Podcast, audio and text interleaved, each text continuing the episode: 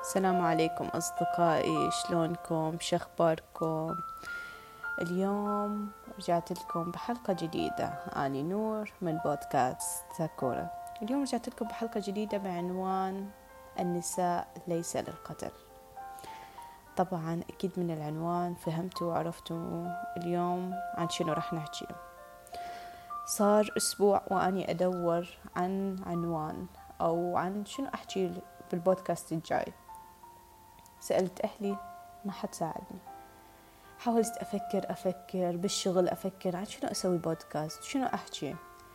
فطلع وياي موضوع النساء قتل النساء عن الحالات والشغلات اللي قاعد نسمعها عن طريق الإنستغرام فيسبوك يوتيوب تلفزيون كل الأخبار إلا ما تسمعون بيومكم إنه في امرأة قتلت. صراحة الموضوع هواية كبير وواسع. حب أنبه يعني وأنوه ببداية الموضوع أنه أني ليست نسوية.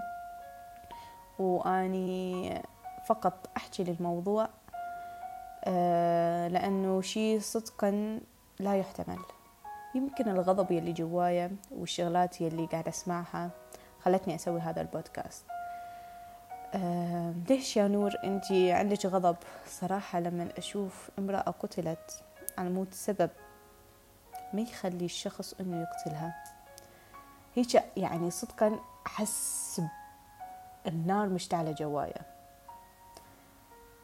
ليش تقتلون روح على موت سبب؟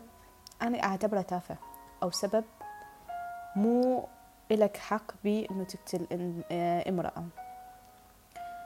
روح الروح إجمالا يعني من غير جنس بدون ما أحددها إذا هي أنثى أو ذكر. الروح إجمالا مو رخيصة على مود تقتل بلمحة بصر. والأنثى همين مو رخيصة على مود شخص مسمى بالذكر أنه يقتلها. وليس رجل. آه هواية شغلات الواحد ينصدم بيها ويشوفها والأسباب مالتها. والحمد لله أكو موضوع ال social media يلي هي قاعد نسمع بها قصص ونساعد بقد ما نقدر. يلي الأشخاص يعني الفتيات يلي هم متعرضين للتهديد للقتل أو النساء اللي قتلوا على مود حق قتلهم ما يروح هباء منثورة. يعني هواية شغلات تنصدمون منها. وأني شخصيا أنصدم منها. إحنا وين؟ إحنا وين صرنا؟ صراحة أحس رجعنا لعصر الجاهلية. عصر الجاهلية اللي هو عصر الجاهلية من شنو كانوا يفهمون أو شنو كانوا يعرفون؟ ما كانوا يعرفون شيء أحس نفسنا إحنا رجعنا لهذا ذاك العصر.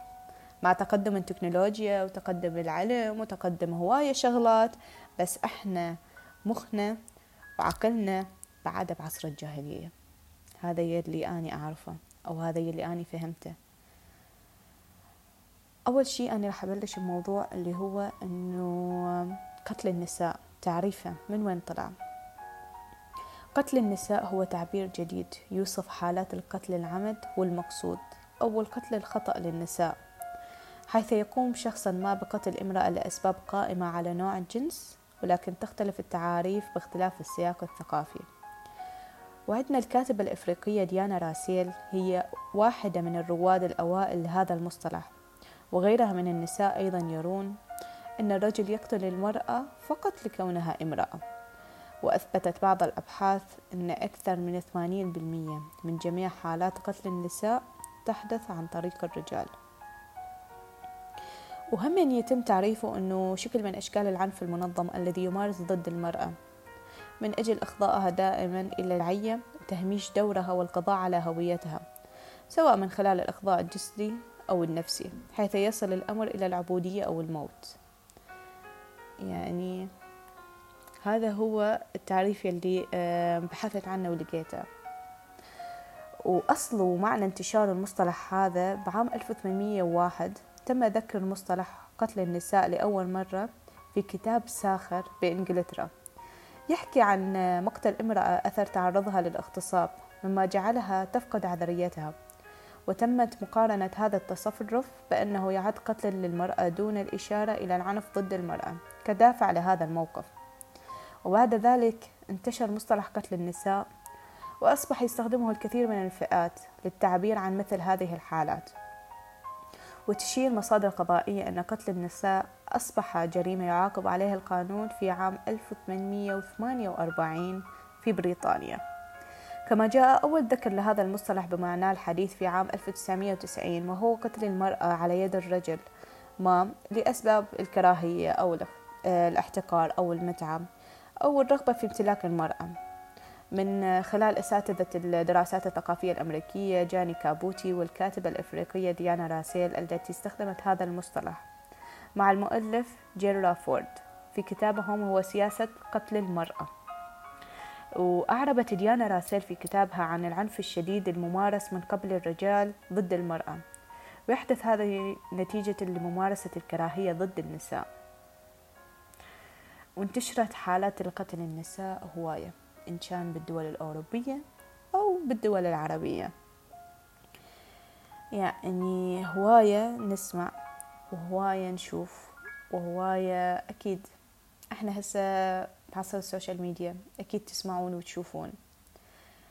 واعتبروا إنه الرجل يلي يشوف هذه الجريمة وما يشارك بأخذ حق المرأة همين مشارك بالجريمة. أنتوا اعطوني رأيكم بهذه الجملة اللي شفتها انه الشخص أو الرجل عفوا يلي يشوف انه قتلت امرأة على يد رجل وما يعبر عن غضبه أو عن استياءه بالموضوع أو يشارك يعتبر هو همين مشارك بهذه الجريمة. والصراحة رح أحكي عن أكيد أنتوا سمعتوا وإحنا سمعنا عن الجريمتين اللي صارت واحدة ورا واحدة اللي هي ني... الطالبة نيرة أشرف بمصر والطالبة إيمان اللي قتلت بالأردن. نيرة أشرف طالبة تدرس بجامعة المنصورة بمصر. قتلت على يد زميلها اللي هو صديقها بالجامعة. ليش؟ لأنه بس فقط رفضت أنه هي ترتبط به وقرر أنه ينتقم منها أمام الجميع أمام الجامعة كلها وما عنده لا خوف ولا أي شيء. لزمها وقتلها. أو بالأحرى مو قتلها وإنما ذبحها نفس الأضحية. يعني حرفيا المشهد يلي شفته أني ترى هاي إنسانة وليست حيوان. حرفيا هاي إنسانة شخص إنسان نفس ما أنت إنسان هي همين إنسانة. قتلتها كأنه أنت قاعد تذبح خروف. يعني لما شفت الموضوع آه، الحرارة وصلت يمكن آلافات. قلت يعني هل قد هي البنت رخيصة؟ ما عندها أهل ما عندها أم ما راح ينحرق قلب أهلها عليهم؟ ما أدري. هواية انصدمت من الشي اللي شفته. ونسمع عن قتل هواية نساء مو بس نيرة مو بس إيمان هواية بنات. بنات تعرضوا للعنف. على إيد أبوهم على إيد أخوهم على إيد زوجهم. نساء قتلوا على أش... على يد أشخاص مو من أصلا ما يمتون أي صلة إلهم. شخص غريب. يا أما رفض يا أما تحرش بيهم يا أما هم آه، ضايقهم أي شيء. هاي أسباب مو إنه أنت تقتل بيها. يا أما أب بعنف بناته يضربهم وحتى يوصل بيه لمرحلة القتل. ماكو سبب. حرفيا أكو شغلات تقول زين أنت شنو السبب يلي دفعك إنه تقتل بنت أو تضربها؟ ماكو أي سبب. صراحة أحسهم مريضين نفسيين أو عندهم عقدة نقص أو عندهم شي يطلعوه ببناتهم أو بخواتهم أو بزوجاتهم. موضوع طويل موضوع هواية. ما تعرف شقد ما تحكي بالموضوع يطلع بعد أكو كلامه هواية كلامه هواية. وهنا نتطرق إلى الأخصائية النفسية حنان مرجي. آه، بوقتها حكت عن موضوع إنه شنو الدوافع الشخص إنه يقتل فيها البنت. وقالت إنه الدوافع آه، الفردية التي تدفع الشخص إلى ارتكاب جرم القتل بشكل عام والنساء بشكل خاص يعني إنه القتل هو سلوك عنيف يمارسه أشخاص لأسباب ودوافع مختلفة. ويعني ومع ذلك فإن تفسير بعض المظاهر النفسية لا يعني التبرير. وأضافت أنه لابد من التمييز بين الدوافع والأسباب بالأخص أنه إحنا قاعد نحكي عن جريمة قتل العمد وهنا أنه الإشارة إلى أن ضحايا جرائم القتل من النساء والرجال والأطفال أنه ظاهرة القتل مع الأسف تطال جميع فئات المجتمع لأسباب مختلفة. وقالت أنه البعض لديه اضطرابات نفسية خطيرة وشخصية سايكوباتية مضادة للمجتمع. وفقا للاختصاصية فإنها شخصية عنيفة وعدوانية وقد ترتكب الجرائم المتنوعة. وهنا لا يصح وصف أي مجرم بالمريض النفسي قبل أن يتم تشخيص الحالة من قبل مختصين. وإثبات ذلك بالمنهج العلمي. وأنه الكثير من المواقع الإعلامية والناشطين على مواقع التواصل الاجتماعي حتى بعض الأطباء النفسيين يخطئون بتقديم التحليلات حول الدوافع بدون تشخيص. وهذا كلام مرفوض لأن تبرير جرم القتل وربطه دائما بالاضطراب النفسي يسيء إلى المرضى النفسيين وإلى الأختصاص.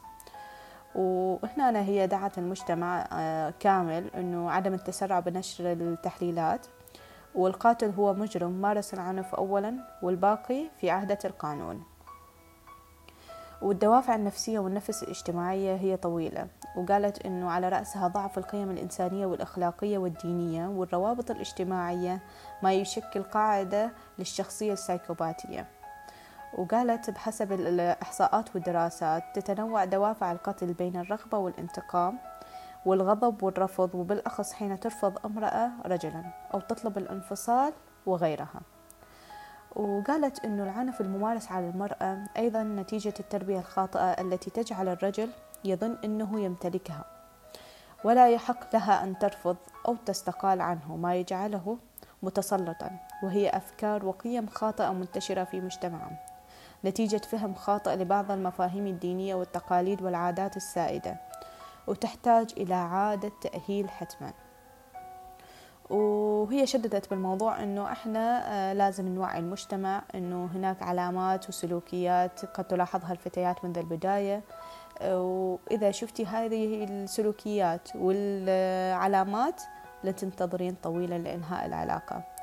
وفي حال حصول تهديد يجب التوجه فورا إلى الأمن وتقديم شكوى لحمايتهم. وأيضا الحصول على استشارة في حال عدم فهم بعض السلوكيات يساعدهم على اتخاذ القرار السليم. أما النساء المتزوجات اللواتي يتعرضن للعنف وقد يكن ضحية القتل في المستقبل وننصحهم أنه لا ينتظرون حدوث الفاجعة وإن وأنه يتصرفون فورا. صراحة لما أنت أه تشوفين أنه أنت تتعاملين ويا شخص أكيد إحنا النساء حال نفهم وحال نعرف بس آه، عندنا القلب المشاعر الفياضة مالتنا تتحكم بينا هواية بس لازم نستخدم عقلنا. العقل حيل مهم. هواية أكو شغلات وأكو هواية علامات تدل إنه أنت الشخص اللي تتعاملين وياه خطير أو لا عدواني أو لا. مريض نفسي أو لا. في شغلات من الصغر صايرة وياه أو لا. هواية شغلات نشوفها ونتغاضى عنها. وهاي الشغلات الصغيرة هي شغلات مهمة. أتمنى منكم تحافظون بيها على نفسكم وتحافظون بيها على روحكم الغالية. آه، روح النساء ليست آه، رخيصة. وأتمنى أتمنى من الرجال إنه إذا عندكم صديق حكالكم طريقة سيئة عن النساء أو يفكر يسوي شيء خاطئ بحق امرأة أو بنت أو طفلة مو تقول هذا صديقي وأني راح أسكت لا. لازم أنت تدافع عن المرأة. أكو هواية نساء يحتاجون رجال يدافعون عنهم. ودائما أقول النساء للنساء صحيح؟ بس أكو همين رجال. ونقولوا نعم الرجال. حرفيا صدقا يعني كلمة رجل تليق بهم. دفاعهم وكلامهم عن النساء وعن جرائم القتل اللي قاعدة تصير. وحيل أحب أسمع كلامهم. مو لأنه هم آه، يفهمون الموضوع أو لأنه هم آه، بصف النساء لا. عقلهم أتمنى أنه جميع الرجال يكونون عقلهم متفتح يعرفون شنو الصح وشنو الغلط. أختنا سوت غلط أو آه، زوجتنا سوت غلط تسمعهم تشوف شنو الغلط سووا. تشوف وين هم غلطوا بيا مكان. وننصحهم مو رأسا نلجأ للضرب للقتل. للشجار وللصوت العالي. نفهم. ترى الفهم حلو. نقعد ونفهم شنو القصة ننصحهم للموضوع. نقول لهم إنه هذا الغلط. لا تعيديه.